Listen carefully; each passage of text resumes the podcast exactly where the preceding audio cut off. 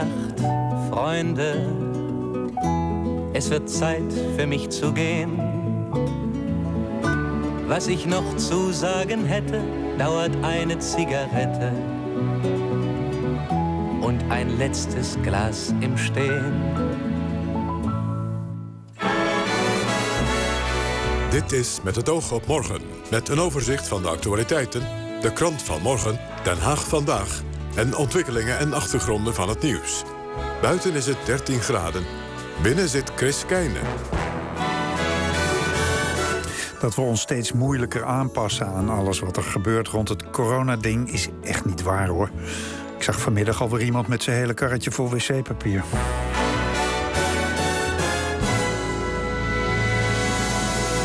Goedenavond, welkom bij dit oog op de maandag van de persconferentie.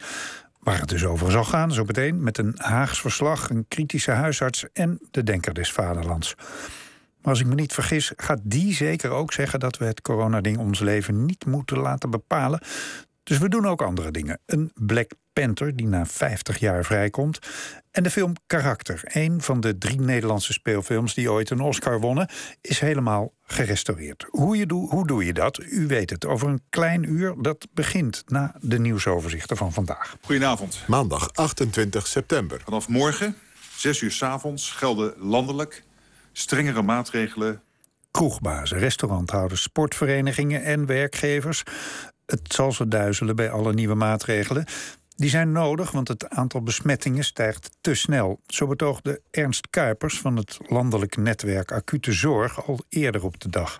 Als deze trend zich doorzet, dan zullen we in het weekend de duizend patiëntengrens passeren.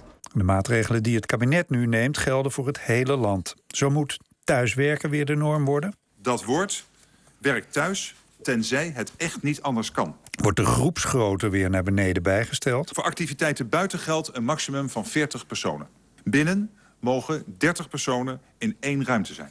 En moet de horeca eerder de deuren sluiten? De laatste inloop om 9 uur s avonds en sluiten om 10 uur. En daar baalt deze bar-eigenaar van. Hij hoopt dat de maatregelen van korte duur zijn. En anders gaat dit een hele lange, vervelende winter worden. Om te voorkomen dat er thuisfeestjes worden georganiseerd, mag je ook in je eigen huis minder bezoek ontvangen. Om niet meer dan drie gasten tegelijkertijd te ontvangen bovenop het eigen huishouden. Dit is overigens een dringend advies. De vraag is natuurlijk of mensen zich daar ook aan gaan houden. En deze vrouw zal in ieder geval geen uitnodiging afslaan. Het is slimmer om niet heen te gaan, maar het kan heel lang duren, snap je? Premier Rutte had ook slecht nieuws voor sportverenigingen. De komende drie weken is daarom alle sport zonder publiek. Dat is een dreun voor de sportsector zoals voetbalclub Telstar. Ja, dat is natuurlijk verschrikkelijk, uh, verschrikkelijk jammer. Sterker nog, uh, daar zijn we uh, doodziek van. Ook deze supporter is not amused. Voetbalwedstrijden zonder supporters, dat is het niet echt. voor de grote steden kwam de Amsterdamse burgemeester Halsema met nog één dringend advies. Om in alle voor het publiek toegankelijke binnenruimte een mondkapje te dragen. Alle maatregelen gaan om te beginnen drie weken gelden. Mocht in die tijd het aantal besmettingen niet dalen, dan volgen er nog strengere maatregelen. Zo waarschuwde minister De Jonge. Dan zijn er hardere maatregelen nodig die ons dichter bij die intelligente lockdown vergelijkbaar met dit voorjaar brengen. En er was ook nog ander nieuws natuurlijk. Voor het eerst sinds zijn aanhouding heeft Jos B. zijn stilzwijgen doorbroken in de zaak Nicky Verstappen. B. verklaarde dat de jongen al was overleden toen hij Nicky vond. Ik heb gelust of het een hartslag was. Ik heb hem aangeraakt, de kleding. Hij was overleden. Omdat hij al een zedenveroordeling op zijn naam heeft staan, raakte hij in paniek. Wist je maar wat ik moest doen? Melden naar de politie. Wie zal mij geloven? Ik had hem verleden. De nabestaanden van Nicky geloven Jos B. niet. Dat lieten ze weten via hun woordvoerder, misdaadverslaggever Peter R. de Vries. Hij had eigenlijk willen zwijgen, maar besefte dat hij daar niet mee weg zou komen... en komt nu met een verklaring die volstrekt ongeloofwaardig is. Dat was Nieuws Vandaag op Radio en TV. En de krant vanmorgen met het nieuws van die dag is al gelezen door Marnix Ampersen. In alle kranten natuurlijk aandacht voor de nieuwe coronamaatregelen. Die leiden tot angst en irritatie, denken twee deskundigen in de Telegraaf.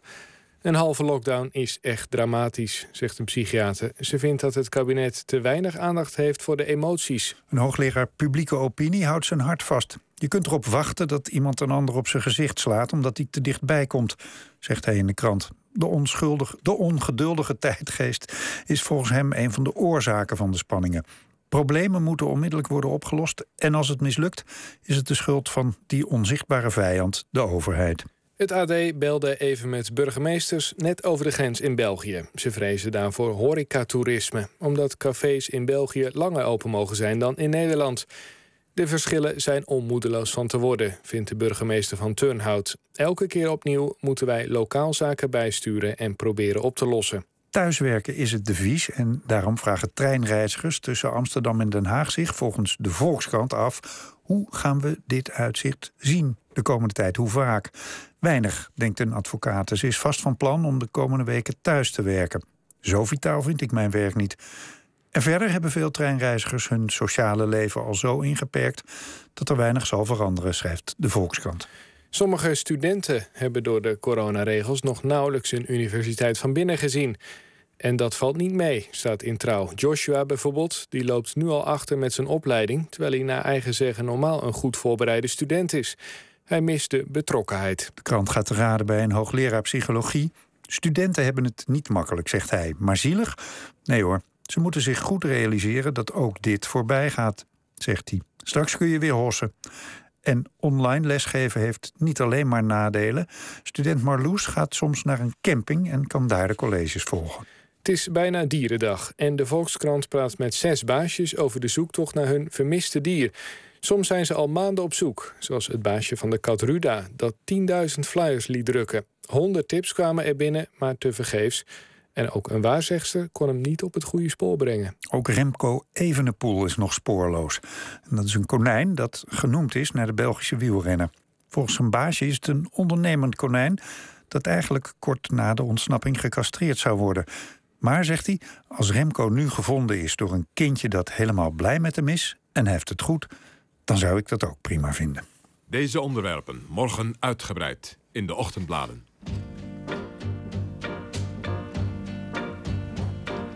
If you see me walking down the street and I start to cry each time we meet, walk on by.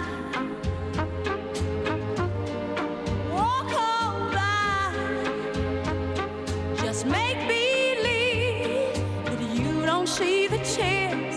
Just let me breathe in private, cause each time I see you, I break down and cry. Walk on by. Stop. Walk on by. Walk on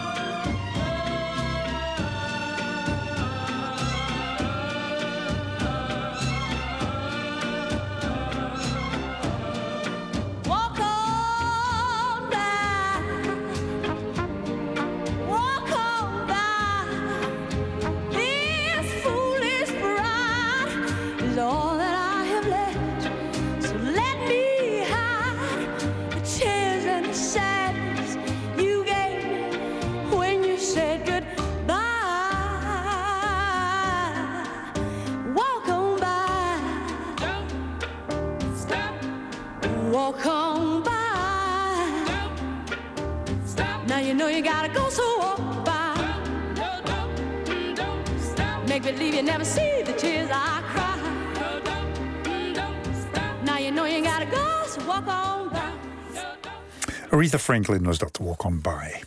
Ja, de coronamaatregelen, u weet er inmiddels vermoedelijk alles van. Premier Rutte en minister De Jonge kondigden ze vanavond aan opnieuw een persconferentie om een snelle stijging van het aantal besmettingen terug te dringen. Ik ga het erover hebben met onze Haagse verslaggever Wilco Boom. Goedenavond, Wilco. Goedenavond, Chris. Ja, van eh, veel kanten werd er al lang aangedrongen op nieuwe maatregelen. Vandaag zijn ze er dus opeens. Hoe, hoe komt dat vandaag? Ja, vooral doordat die besmettingscijfers maar bleven stijgen natuurlijk. Net als het aantal ziekenhuisopnamen en het sterftecijfer. Nou, het ka- kabinet had eh, lange tijd ingezet op een regionale aanpak... Hè, zodat er of regionaal rekening kon worden gehouden... met de verschillende ontwikkeling van de epidemie. Ja, en voor die regionale aanpak keek het kabinet naar de burgemeesters... Die keken terug naar het kabinet, want zij hadden liever landelijke maatregelen... want dat is makkelijker uit te leggen aan lokale ondernemers... bijvoorbeeld in de horeca. Nou, tijdens informeel overleg in het Katshuis afgelopen zondag... is vervolgens de conclusie getrokken dat er geen tijd meer te verliezen was...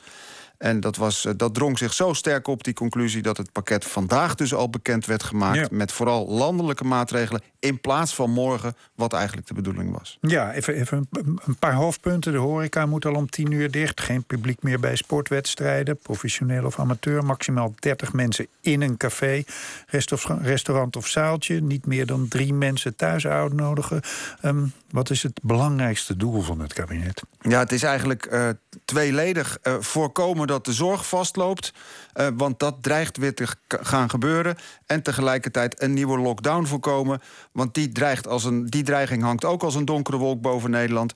De maatregelen gaan voor drie weken gelden. En als de stijging van het aantal besmettingen binnen die periode dan niet echt gaat dalen. Ja, dan, worden de maatregelen van dan komen de maatregelen van afgelopen voorjaar weer in beeld. Denk aan de volledige sluiting van de horeca ook aan de hele cultuursector. Nou, dat hoopt het kabinet dus eh, te voorkomen, nogmaals. En daarvoor is premier Rutte bereid ver te gaan. Hij wil nu zelfs een mondkapje gaan dragen als hij boodschappen gaat doen, bleek vanavond op die persconferentie. Meneer Rutte, eh, als u straks boodschappen gaat doen, zet u dan sowieso een mondkapje op? Heb ik nog niet over nagedacht. Ga ik niet over nagedacht. Eh, ik denk dat ik dat wel doe, ja. Ja, acht u dat dan ook zinvol? Ik denk dat het iets bijdraagt, ja. Ik denk dat het iets ja. bijdraagt. Ja, net zoals dit openbaar vervoer eh, wel degelijk eh, effect heeft. Ja, Rutte met een mondkapje naar de buurtsupper dus. We zien het binnenkort vast een keer voorbij komen. En dat is toch wel bijzonder, want op advies van het RIVM... dat steeds heel terughoudend was over het nut van die mo- mondkapjes... wilde het kabinet er lange tijd niet aan. Behalve dan in het openbaar vervoer, omdat je daar geen afstand kunt houden. Maar nu dan, in, eh, nu die cijfers maar blijven oplopen... komt er dan toch een advies van het kabinet... om in winkels in de drie grote steden dan maar, dan maar een mondkapje te gaan dragen. En dat komt dan mede doordat veel mensen... en ook burgemeesters zoals Halsema vanavond op die maatregel aandringen. Ja, precies. Maar, maar met name daarvan kan je je dus ook afvragen... is dat dan niet een beetje erg laat? Nou, dat kun je eigenlijk wel eh, afvragen als het om het hele pakket aan maatregelen gaat. Niet specifiek eh, dat mondkapje. Met de kennis van nu kun je dat zeker eh, betwijfelen. De bekendmaking van die maatregelen is ook niet voor niks een dag vervroegd. Eigenlijk zou dat morgen pas gebeuren. Ja, en dat hoor je ook in de Tweede Kamer. Geert Wilders van de PVV, de grootste oppositiepartij... zegt dat het kabinet nog steeds zijn zaakjes niet op orde heeft. En ook Ascher van de PvdA en Marijnissen van de SP hebben stevige kritiek. Nou, het neemt onze zorgen niet weg. Of het kabinet op deze manier de grip op het virus terugkrijgt. Want dat we dat kwijt zijn is duidelijk en dat is heel zorgelijk. En het neemt ook onze zorgen niet weg over de zorg. Eh, als je ziet dat het nu toch al reguliere zorg niet meer door kan gaan... ja, dan alle reden tot zorg, denk ik. Want laten we wel wezen, er is heel veel kostbare tijd verloren gegaan. Het vervelende van dat stomme rotvirus is dat, je, dat het zich eh, exponentieel verspreidt. Dus je weet, eh, ook ingrijpen nu zal pas over een paar weken effect hebben. Dus men is laat. Eh, ja, dit is onvermijdelijk om dit nu te doen. Ik hoop dat het voldoende is, maar ik denk dat er meer nodig is. En of het eerder had gekund, ehm, ja, ik denk dat we eh, de afgelopen weken allemaal wel voelden dat het niet de goede kant op ging. Dat er nieuwe maatregelen aan zaten te komen, maar dat we ook nog hoopten dat we met elkaar die verspreiding eh, konden stoppen. En dat blijkt helaas niet het geval. En daarom nu wel noodzakelijk om eh, op, op zo'n zware manier in zoveel sectoren in te grijpen. Ja, harde woorden dus van Marijnissen en Ascher. Mhm. Een wat mildere reactie van Rob Jetten van regeringspartij D66. En daar gaan we morgen of woensdag nog veel meer van horen in de Tweede Kamer. Want dan zal er weer gedebatteerd worden over de coronamaatregelen van het kabinet. Oké, Wilke Boom in Den Haag, dankjewel. We praten erover door hier in de studio. Want ehm, ja, waar we ook ongetwijfeld de komende dagen en weken... misschien wel ook weer veel over zullen horen... is de vraag naar de proportionaliteit. Hè? Hoe balanceer je nou eh, de, de, de, de dreiging van het virus... en de andere schade die er door de maatregelen eh, wordt, wordt aangericht? Economisch, sociaal, psychologisch, noem het allemaal maar op. Al eerder tijdens de crisis tekenden tientallen artsen een brandbrief. Dat was begin juni waarin toen werd opgeroepen tot een open debat over die proportionaliteit. En een van hen is nu ook hier, huisarts André Steketee uit Communie. Goedenavond. Wat was, wat was toen eigenlijk de voornaamste reden, wat was uw belangrijkste argument om die brief te ondertekenen? Nou, de voornaamste reden was dat ik. eh, we hadden eerst een schopgolf gehad van een coronavirus waarvan we niet wisten wat het was. Mhm. Eh, het was een levensgevaarlijk virus. We moesten allemaal maatregelen gaan nemen. En nou ja, na een x aantal weken hadden we het coronavirus wel onder controle. Door de maatregelen die heel drastisch waren. Maar we zagen ook de schade die er ontstond. Dat Mhm. zag ik in mijn praktijk. Ik kon mijn praktijk niet meer normaal voeren. Mensen kwamen op het spreekuur omdat ze depressief waren. Ze waren hun baan kwijtgeraakt. Er waren gewoon allemaal mensen die de problemen hadden. En het is een beetje, eh, ja, wa- wat meneer Rutte nu net zegt... van, eh, goh, gaat u een mondkapje doen? Oh, daar heb ik nog niet over nagedacht. En eh, heeft het zin dan? Ja, dat denk het wel. En ik vind het nog steeds dat we nu... Hè, we hebben vier maanden pauze gehad om na te kunnen denken... over wat er gebeurd is bij die eerste golf. En dat we daar maatregelen kunnen gaan nemen... die echt zin hebben, die onderbouwd zijn. En daar moeten we over gaan debatteren. Maar tot nu toe, en ik heb wat debatten gevolgd...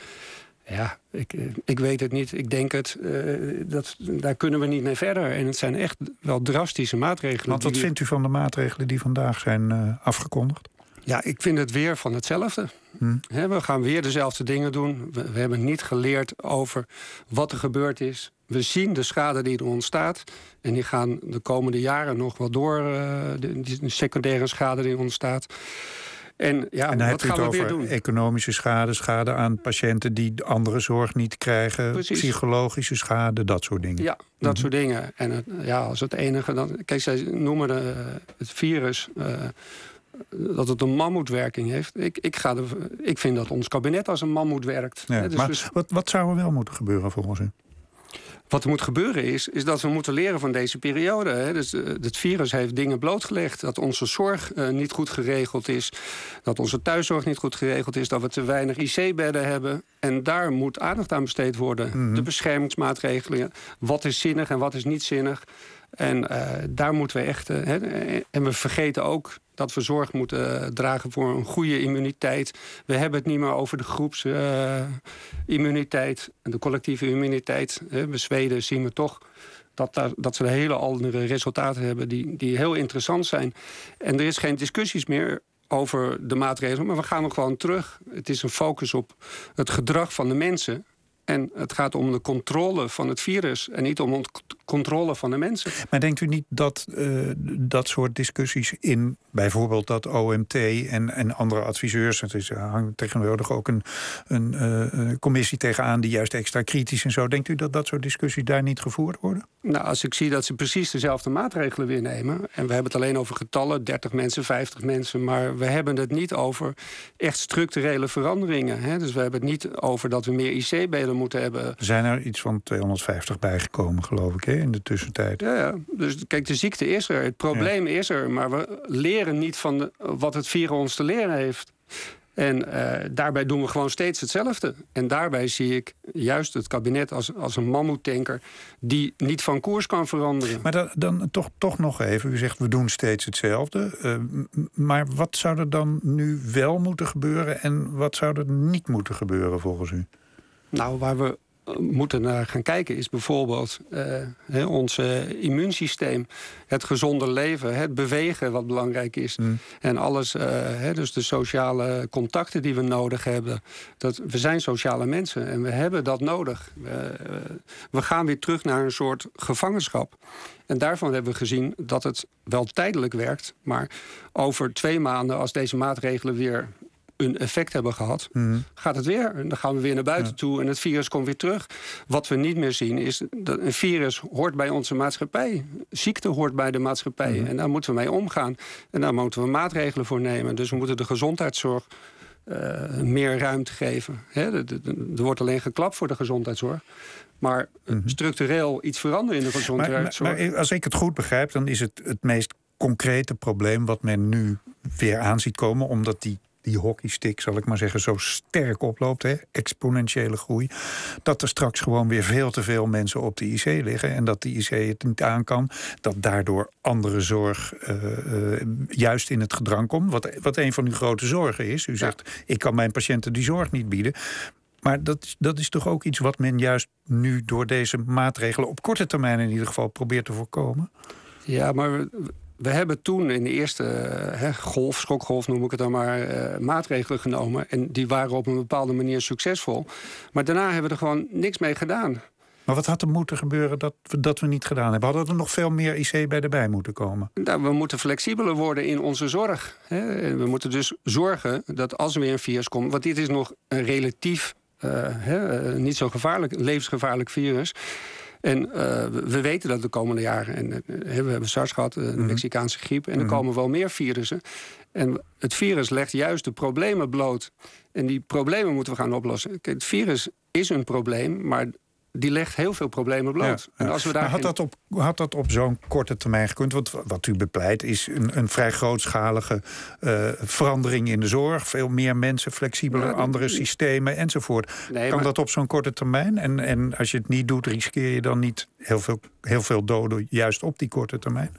Nee, ik, ik denk, het het blijft. Het, het is niet het levensgevaarlijke virus waarvan we dachten dat het was.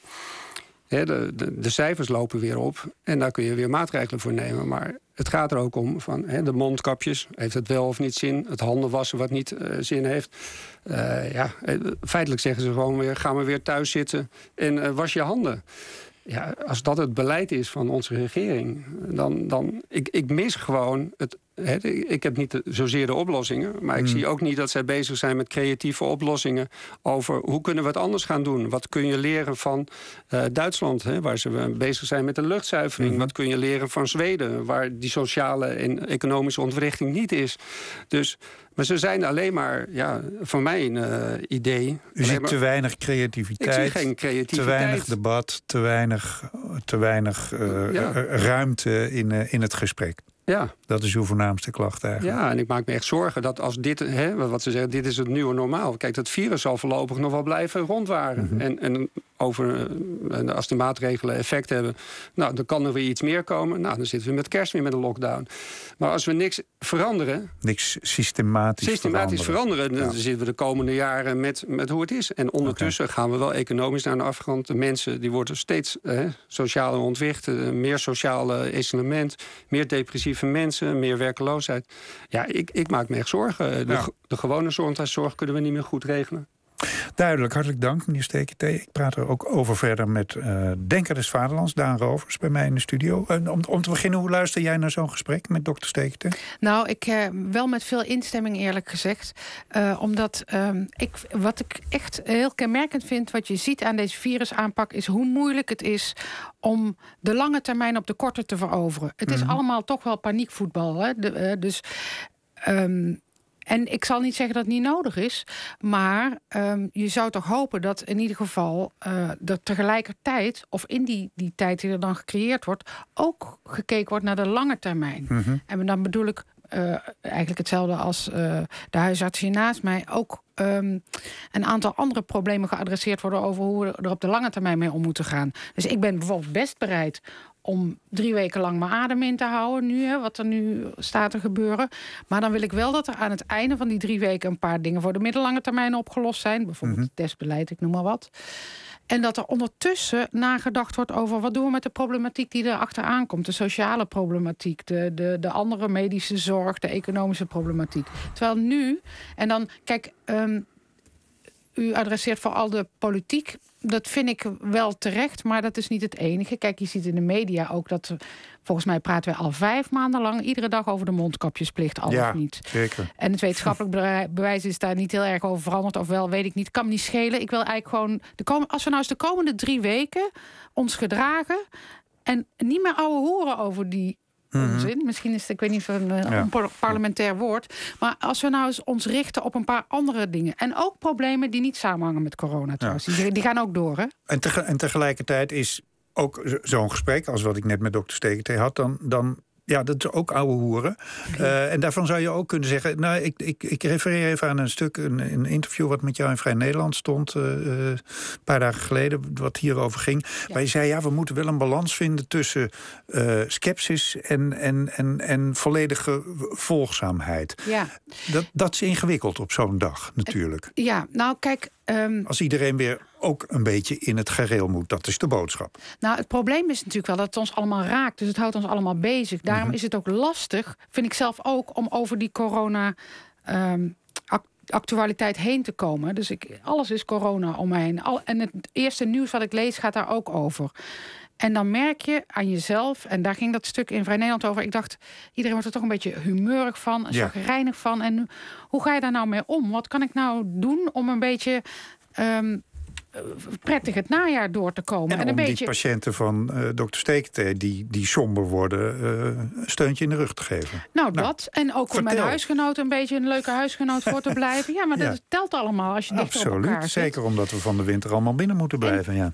Ik dacht toen aan eh, een, vriend, een vriend van mij, René Gude. Vijf jaar geleden is hij overleden. Hij was behoorlijk bekend eh, in die tijd... omdat hij mm, vanuit zijn ziekte een soort humeurmanagement ontwikkeld had. Hij was ook denker des vaderlands. Hij was denker des vaderlands. Zat vaak bij Matthijs in de Wereld Draait Door. Ja. En dan praatte die overigens over dat humeurmanagement. Over de vraag, hoe kan het dat ik toch met een zeker opgeruimd humeur... deze onzekere tijd doorkwam? En ik dacht, misschien heb ik iets aan het herlezen van zijn adviezen... over zijn situatie in deze coronatijd. En dat vond ik toch eigenlijk wonderlijk bruikbaar. Omdat hij, hij zei eigenlijk, als je in een onzekere tijd zit... je weet bijvoorbeeld dat je doodgaat op afzienbare termijn... maar je weet niet precies wanneer...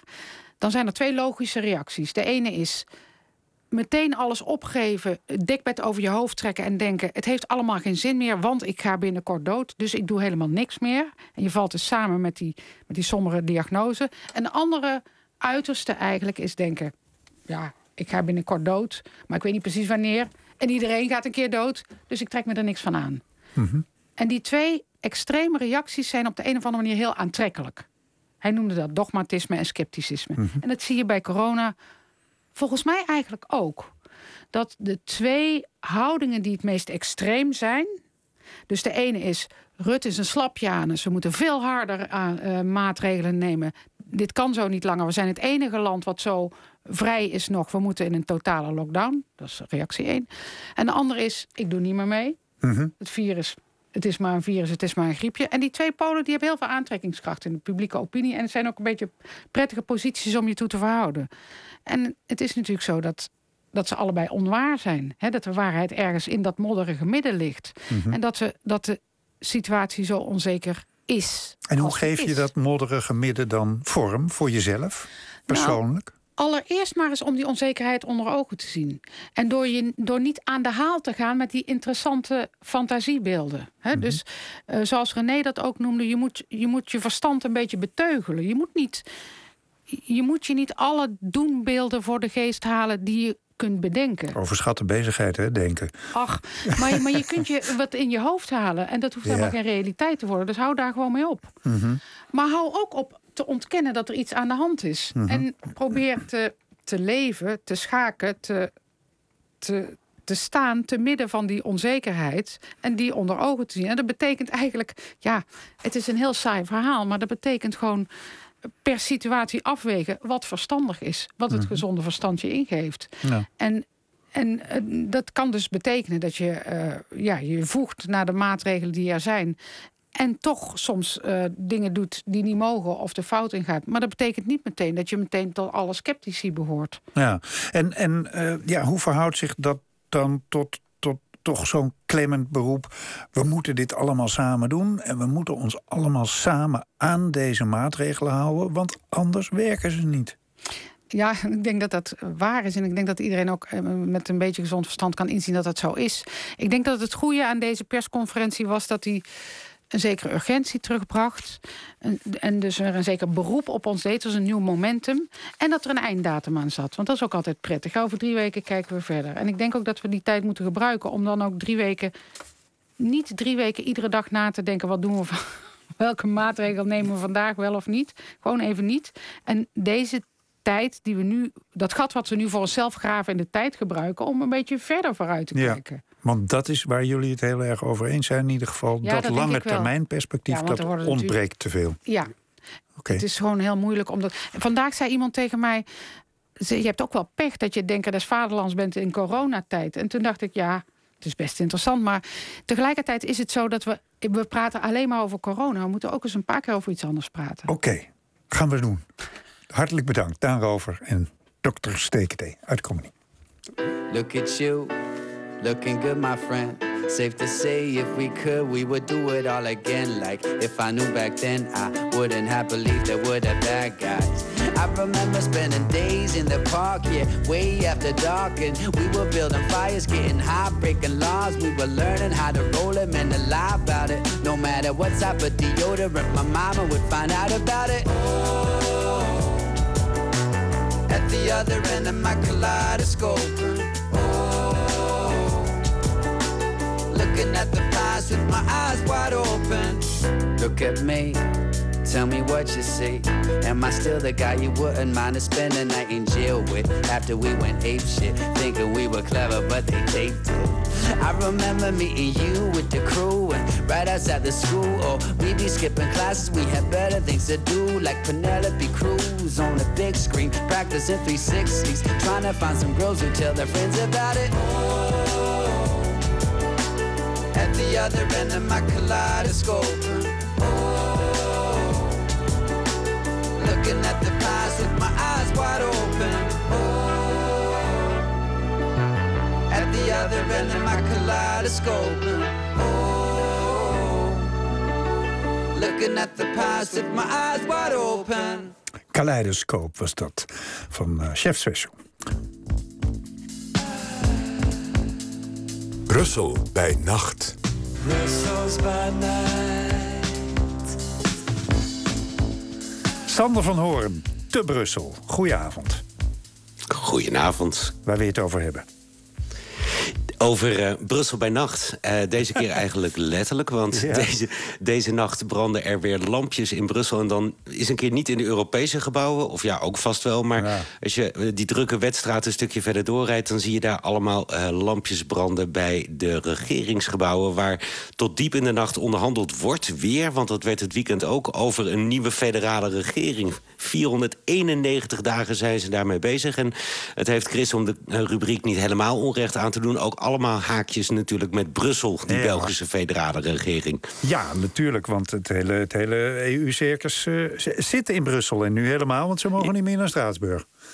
Nee, ze mogen niet meer naar Straatsburg. maar omdat Brussel volgens bijvoorbeeld Nederland eh, rood is... mogen ook heel veel Nederlandse Europarlementariërs... niet zomaar op en neer reizen. Dat noemen wij hier de quarantainelus. Hè. Dan ga je naar België, dan moet je in quarantaine. Kom je weer terug naar Nederland, moet je ook weer in quarantaine. Dus dat is eigenlijk geen doen. En dus zie je dat heel veel medewerkers van de commissie... vanuit hun land eh, op afstand werken. Dat veel Europarlementariërs eh, nog gewoon vanuit Nederland werken dat er een discussie is over...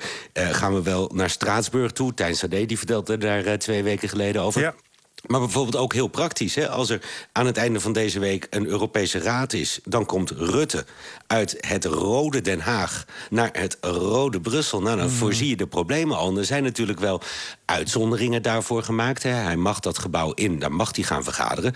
Maar bijvoorbeeld niet eventjes dineren met iemand... die die eh, toevallig ook wil spreken ergens Nee. in Brussel. Hè. Dus ja, het legt het eh, werken van de Europese Commissie... toch wel behoorlijk aan banden... dat er hier eigenlijk een eh, wat gebrekkig covid-beleid is, om het zo maar te zeggen. Ja, is dat nou wel zo? Want Bel- België is natuurlijk een land waar de gewesten, Vlaanderen, Wallonië, Brussel, eh, ook veel macht hebben. En die hebben allemaal een, een ordentelijke regering. Eh, hoe, belang- hoe, hoe belangrijk is zo'n landelijke regering eigenlijk dan? Nou ja, als ik het eh, vanuit de Europese dimensie bekijk... eh, de COVID noemde ik net al. eh, de eh, experts die buitelen na elke beslissing van de regering... die bijna aan het einde van zijn Latijn is... buitelen ze over elkaar heen om kritiek te leveren. Dus dat loopt allemaal niet zo lekker. De regering die mist als demissionaire regering natuurlijk het gezag.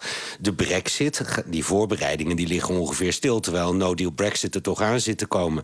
Eh, ik sprak vandaag met een Belgische ondernemersvereniging... en die zeggen dat Brussel echt vele miljarden laat liggen uit Brussel. Dat klinkt wat cryptisch, maar eh, het Belgische Brussel... eh, kan natuurlijk aanspraak maken op herstelgelden, op Green Deal gelden. Maar daar moet je wel een plan voor hebben. En dat Ja. plan dat wordt door een centrale regering gemaakt. Forget it. Als we het over geld hebben... eh, de Belgische begroting die was al penibel.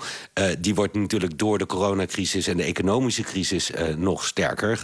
En ja, ze moeten wel de plannen inleveren bij het Brussel van de Europese Commissie. Dus allemaal van dat soort dingen waardoor het Belgische Brussel toch echt wel gebaat zou zijn bij een regering. Oké, maar goed, er is dus licht aan het eind van die gitzwarte tunnel. Ehm, Ja. is dit nou, dan- is dit- blijft België, blijft Ja, België nee, dat is Christ. ook Dus waar. nee, Ze hebben al eerder- gaan vannacht Ja. onderhandelen omdat ze eh, nog niet zijn toegekomen aan de begroting. Eh. De koning die heeft gezegd tegen de twee informateurs, want dat stadium hebben we nog, eh, kom daar zo snel mogelijk mee terug. Nou ja, dan moet toch de vraag beantwoord worden, wie gaat de premier worden? Dus ze zijn er nog niet, wil ik maar zeggen. Nee, precies. Maar goed, laten we er dan even van uitgaan dat ze er komen. Wat, wat hebben we dan voor regering en gaat die het land redden? Nou, dan hebben we de Vivaldi-regering. Ehm, ze zijn hier, ja, wij hebben dat volgens mij opgegeven bij Paars. Eh, dat was een, een- de, de kabinetten bij ons die nog een naam meekregen. Hmm. Sindsdien werd het volgens mij Rutte 1, 2 en 3. Maar Ja. correct me if I'm wrong. Ja, Hier- zat ertussen nog, ja.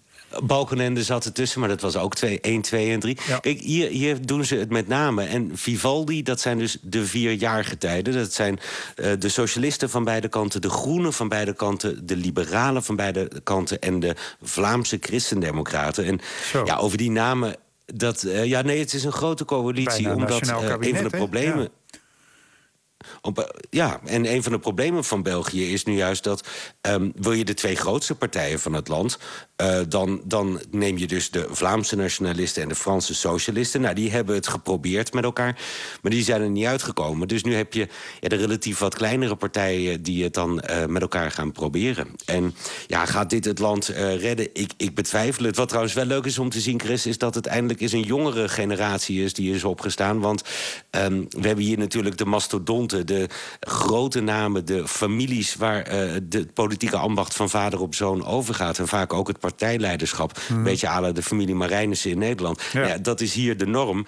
En daar zijn ze nu een beetje mee gebroken. Je hebt nu twee wel heel jonge partijleiders. eh, die van de eh, Nederlandstalige socialisten en van de Franstalige liberalen. Aha. Ja, en die, die voeren die onderhandelingen. Dus het is, het is wel spectaculair. Maar ja, het duurt al heel erg lang. En nogmaals, het land kan wel een eh, regering gebruiken. Ja, want, want waarom eigenlijk tot slot eh, eh, nu, nu opeens eh, die haast? Is de, wat is de druk die nu een doorbraak zou kunnen forceren?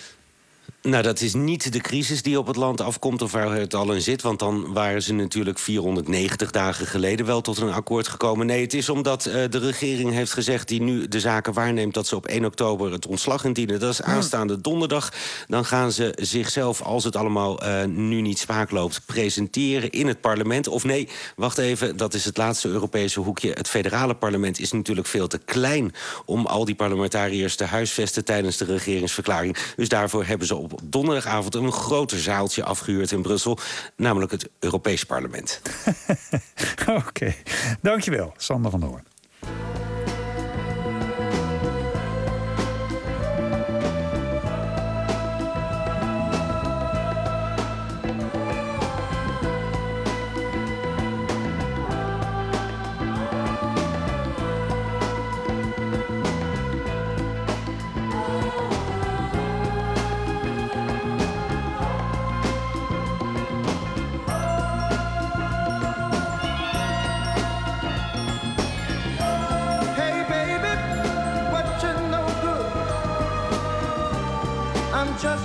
Back, but you knew I would.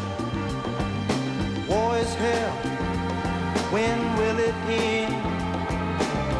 When will people start getting together again? Are things really getting better? Like the newspapers say. What else is new, my friend? Besides I. Can't find no work, can't find no job, my friend. Money is tighter than it's ever been. Say, man, I just don't understand what's going on across this land. Oh, what's happening, brother? Yeah, what's happening?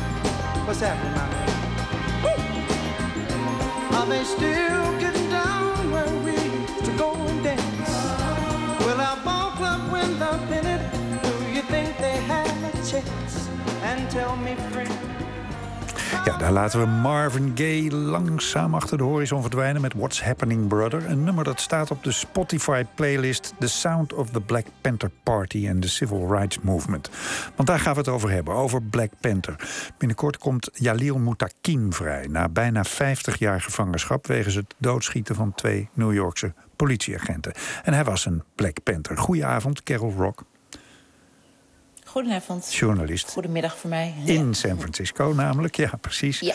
Ehm, ja, Carol, even de Black Panthers. Veel mensen zullen de klok hebben horen luiden. Weten vast ook nog wel dat dat de, de zwarte militante tak was... van de burgerrechtenbeweging in de jaren 60 van de vorige eeuw. Maar zet ze nog heel even neer. Wat, wat was hun denken en waar kwam dat vandaan? Ja, ik wil daar meteen even op inhaken op militant. Want Ja. ehm, wat mensen vooral herinneren is dat het een, een, een gewelddadige eh, organisatie was. Maar de gewelddadigheid die ontstond eigenlijk door de reactie op deze in eerste instantie eh, eh, eh, self-defense organisaties. Dus ze hebben zichzelf georganiseerd omdat zij eh, eh, gevaar liepen, eigenlijk wat we nu ook zien. eh, het geweld dat tegen zwarte mensen wordt gebruikt door politie in Amerika. Eh, het was eigenlijk een reactie of een druppel die de emmer deed overlopen. Malcolm X was vermoord. Eh, er werd op een gegeven moment een tiener, een, eh, tiener die ongewapend was in San Francisco. Die werd door politie vermoord. En toen hebben twee mannen, twee Afro-Amerikaanse mannen... die kenden elkaar van de universiteit, Huey Newton en Bobby Seale... Ja. die kenden elkaar al een tijdje en die hebben gezegd... we gaan onszelf verdedigen. En zo is het eigenlijk ontstaan. Maar het idee was ook niet alleen verdedigen. Eh, ze droegen wapens, dat klopt. Ja. Eh, ze kwamen bijvoorbeeld observeren wanneer eh, zwarte jongeren werden aangehouden door politie. Want dat gebeurde toen ook net zo erg als nu. Alleen waren er toen natuurlijk geen bodycams. En zodra iets gebeurde, dan verzamelden een aantal Black Panthers zich. Die stonden daar en die lieten duidelijk zien van we hebben een wapen. Ja. In Californië was het namelijk legaal. Open carry had Ja. Californië toen de staat. Dus zij kwamen kijken om een verhaal te halen en de agenten er desnoods op aan te spreken. Ze, ze stonden niet eh, alleen daarvoor, ze waren ook ehm, eigenlijk een so- sociale beweging. Eh, want ze probeerden de zwarte gemeenschap eh, hun achterstand eigenlijk in te halen. Door zelf scholen op te richten waar kinderen gewoon goed onderwijs konden krijgen. Ja. Want voor zwarte mensen was het toen niet vanzelfsprekend dat je naar een goede school kon. Nee. Ehm, eh, ze hadden hun eigen krant, eh, ze hadden hun eigen winkels. Ze zorgden voor gratis ontbijt voor kinderen uit arme gezinnen. Ja. Eh, dus het, het, het, was, het was vooral heel sociaal eigenlijk. Ja. En, ehm, Maar, ja. maar toch even, want anders, anders raken we een beetje in tijdproblemen. Ehm, Ja. naar, naar, naar, naar toch die militante kant, want daar gaat het in dit geval over. Jalil Moutakim zat, zat vast voor de moord op twee agenten in New York. Wat is daar precies gebeurd? Nou, eh, die, ehm, eh, in ne- 1970 is eh, op een gegeven moment de Black Liberation Army opgericht. Dat was dus de militante tak van de Black Panthers. En deze gingen eigenlijk, die reageerden op de politie... die meteen heeft gezegd, we gaan deze groep hard aanpakken... want dit is de grootste bedreiging van de Amerikaanse samenleving. Toen hebben zij zich sterker gewapend en gingen ze dus aanslagen plegen Ja. op politieagenten, op iedereen in uniform eigenlijk. En daar zit deze Jalil Muntakim eh, eh, dus voor vast. Ja. Eh, met twee andere handlangers heeft hij dus die moord gepleegd. En eh, er zitten nog, denk ik, 19 andere eh, nou ja, militanten uit die tijd eh, zitten vast. Al dan niet eh, schuldig voor waar ze voor Ja. beschuldigd worden. Maar hij is dus wel Maar schuldig aan, aan moord op twee Hij heeft dat agenten. ook toegegeven. Ja, en waarom Ja, komt hij hij nu vrij? toegegeven. Waarom komt hij nu vrij? Nou, hij, hij kreeg eigenlijk eh 25 jaar tot levenslang. Eh, dat betekende dus dat hij in 1998 mocht hij voor het eerst eh, proberen eerder vrij te komen. Dat is niet gelukt, maar hij heeft het sindsdien eh, elke twee jaar opnieuw geprobeerd. Ehm, er is dus een commissie die moet bepalen of iemand klaar is om terug te komen in de maatschappij. Of die niet in herhaling gaat vallen bijvoorbeeld. Die commissie was vroeger natuurlijk helemaal wit, alleen maar mannen. En die is nu veel diverser. Er zitten ook oudere mensen in uit alle takken uit de samenleving. En die zeggen ook, eh, we leven in een andere tijd. Deze mannen hebben geen eerlijk proces gehad in die tijd. Er is informatie achtergehouden. Hm. Eh, de politiek die heeft zich daar heel ernstig mee bemoeid. Die wilde gewoon FBI en Nixon destijds... die wilden gewoon dat deze mensen allemaal zo snel mogelijk in de bak terechtkwamen. Heeft het denk je Eh, ook te maken met, met alles wat er in Amerika gebeurt... rondom hetzelfde thema, namelijk politiegeweld tegen zwarte mensen? Denk je dat een rol, dat, dat een rol heeft gespeeld bij de beslissing? Dat is zo ongetwijfeld ook, want het is heel interessant dat je dat zegt. Want ehm, eh, dus die situatie nu is heel erg vergelijkbaar met toen. Eh, toen waren er ook jongeren die zich verzetten tegen het systeem dat ongelijkheid in stand hield. En met name de politie, die zwarte mensen eh, disproportioneel strafte of, of eh, eh, mishandelde of zelfs vermoorde. Mhm. Dat is nu ook gaande. Dus er zijn dingen aan het veranderen binnen de police department in Amerika. Er is natuurlijk vooral heel veel verzet nog tegen. Mhm. Maar dat gaat ook zeker gebeuren. Daar heb je absoluut gelijk in. Ja. Ja. En zijn leeftijd speelt nu ook mee. Daar kijken Ja. ze nu ook steeds meer naar. Maar even kort tot Ja. slot nog. Vast niet, iedereen Mhm. is, vast niet iedereen is het ermee eens. Nee, zeker niet. Het is, het is ook heel dubbel. Want eh, kijk, als je kijkt naar de familie van die twee agenten... Ja. eh, dit doet pijn. Eh, zij zien natuurlijk het liefst dat deze mensen voor de rest van hun leven... in de gevangenis blijven. Ja. Ehm, en, en dat begrijp ik ook heel erg goed, dat ze het daar niet mee eens zijn. Maar ehm, ja, het rechtssysteem laat het nou eenmaal toe... dat deze mensen eerder vrij moeten komen... eh, of of eh, eh, recht hebben om eerder vrij te komen. Ja. Dus ja, dat, dat is nu wat er gebeurt. En dat is op dit moment misschien dan toch belangrijker dan de emotie, hoe erg het ook is. Oké. Dankjewel, Carol Rock vanuit San Francisco. En we gaan door met het laatste en geheel andere onderwerp. Morgen gaat de film Karakter, Restored and Unseen... in première op het Nederlands Filmfestival. Dat gaat over een 23 jaar oude film... die ooit een Oscar heeft gewonnen, Karakter... naar een boek van eh Bordewijk. Want die heeft een enorme oplapbeurt gekregen. Dat klinkt een beetje triviaal, maar eh, zo bedoel ik het niet. Meneer Scholten van het AI Filmmuseum, goedenavond. Goedenavond. Want u hebt hem opgelapt, hè? Ja, nou, Ja. opgelapt. Eh, we hebben hem helemaal strak gemaakt, laat ik ja, zo ja, zeggen. Ja, ja. U, bent, u, u, u bent eh, als restaurateur met deze film bezig geweest. Waarom was het nodig, een film die pas net 20 jaar oud is? Nou ja, hij heeft in de jaren natuurlijk altijd wel wat geleden. Het ligt eraan hoeveel eh, kopieën voor de bioscoop eh, gemaakt zijn van het eh, bepaalde negatief. En ehm, ja, er gebeurt nog wel eens wat in het, eh, in het lab en dat soort dingen. Dus het, het slijt eigenlijk door het eh, vele kopiëren. Ja, en, en ehm, ja, hoe gaat zoiets? Hoe, hoe, hoe doe je dat dan? Eh, Werkt u nog steeds met, met, met rollen film dan? Of gaat het allemaal digitaal? Of wat zit Ja. u te doen? Nou, ik eh, eh, zo- zoek eerst uit wat we allemaal in ons archief hebben bij AI. En dat waren in dit geval eh, 46 items. Dat houdt in eh, eh, een trailer, de negatieve geluiden en noem maar op. Die hele puzzel die zoeken we dan bij elkaar. Want niet elk negatief is compleet. Maar karakter was wel compleet, gelukkig. Dus het was nogal vrij nou, simpel eigenlijk. En dat negatief hebben we dan bekeken. En dan kijken we op de papieren of alle informaties erbij is. Eh, want eh, elk shot heeft natuurlijk eh, andere kleurcorrecties en noem maar op. En dat eh, is in de analoge tijd eh, meestal door de cameraman eh, beoordeeld in het filmlab. En dat is Eh, vastgelegd en op papier gezet? ja, van, ja. nou, dat zit er niet altijd bij, Mm. maar in dit, in dit geval wel.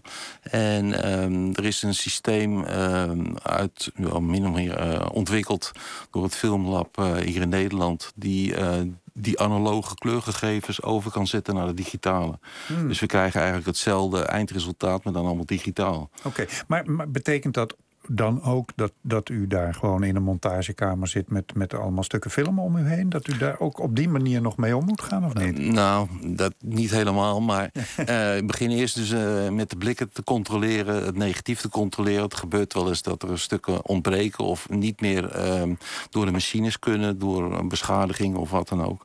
Nou, in dit geval met karakter was dat helemaal niet zo. Eh, het eh, was nog een klein fragment wel, een, een, eh, wel een kleine beschadiging in de perforatie en zo.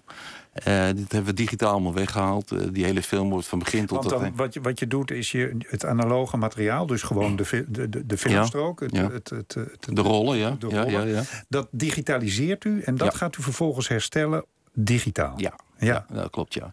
Dus eh, die, die kleurcorrecties die analoog erbij zitten, in dit geval, die zijn dan doorberekend naar de digitale kleurcorrecties.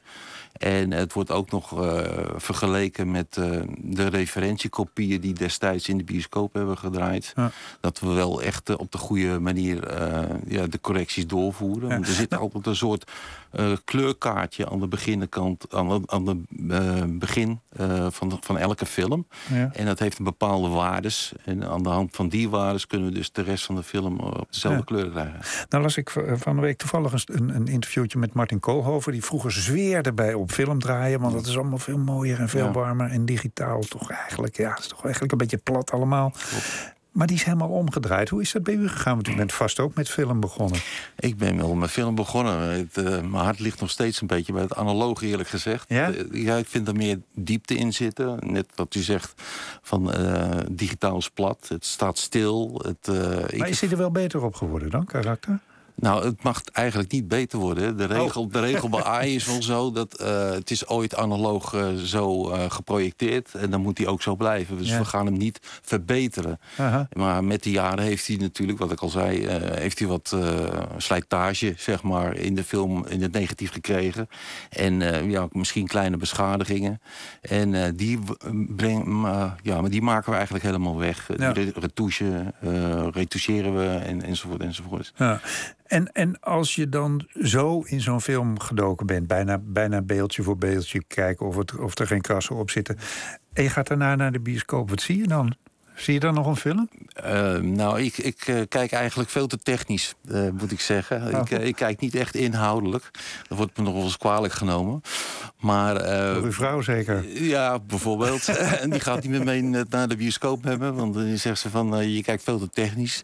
Ja. Of het verhaal moet zo indrukwekkend zijn... dat ik daar helemaal in gegrepen word. Maar ja, deze film die heb ik denk ik een- ongeveer een tien keer gezien... voordat hij nou uiteindelijk dus op de eh, digitale file staat... die we zo meteen, eh, of morgenavond dus eh, gaan zien. Ja. En ehm, ja, dan op een gegeven moment dan heb je het verhaal wel een beetje te pakken. Maar ik kijk nog steeds naar. ik, ik, kijk nog steeds naar het technische eh, gedeelte, moet ik zeggen. Dus, ja. helaas leer ik dat niet af. Nee, nee, nou, dat hoeft ook helemaal niet. Als je maar plezier hebt in je werk. En, en hebt u dat? Want wat, wat, wat, wat is de lol ervan? Wat, is, wat maakt het zo leuk? Nou, het, het leuke, maar ehm, ja. Dat was eigenlijk mijn vroegere vak. Ik heb eh, trucages analoog gemaakt. Dus dat je dingen eh, moet realiseren die niet bestaan. Shots die, ja, waar regen in gemaakt moet worden, sneeuw of wat Ja. dan ook.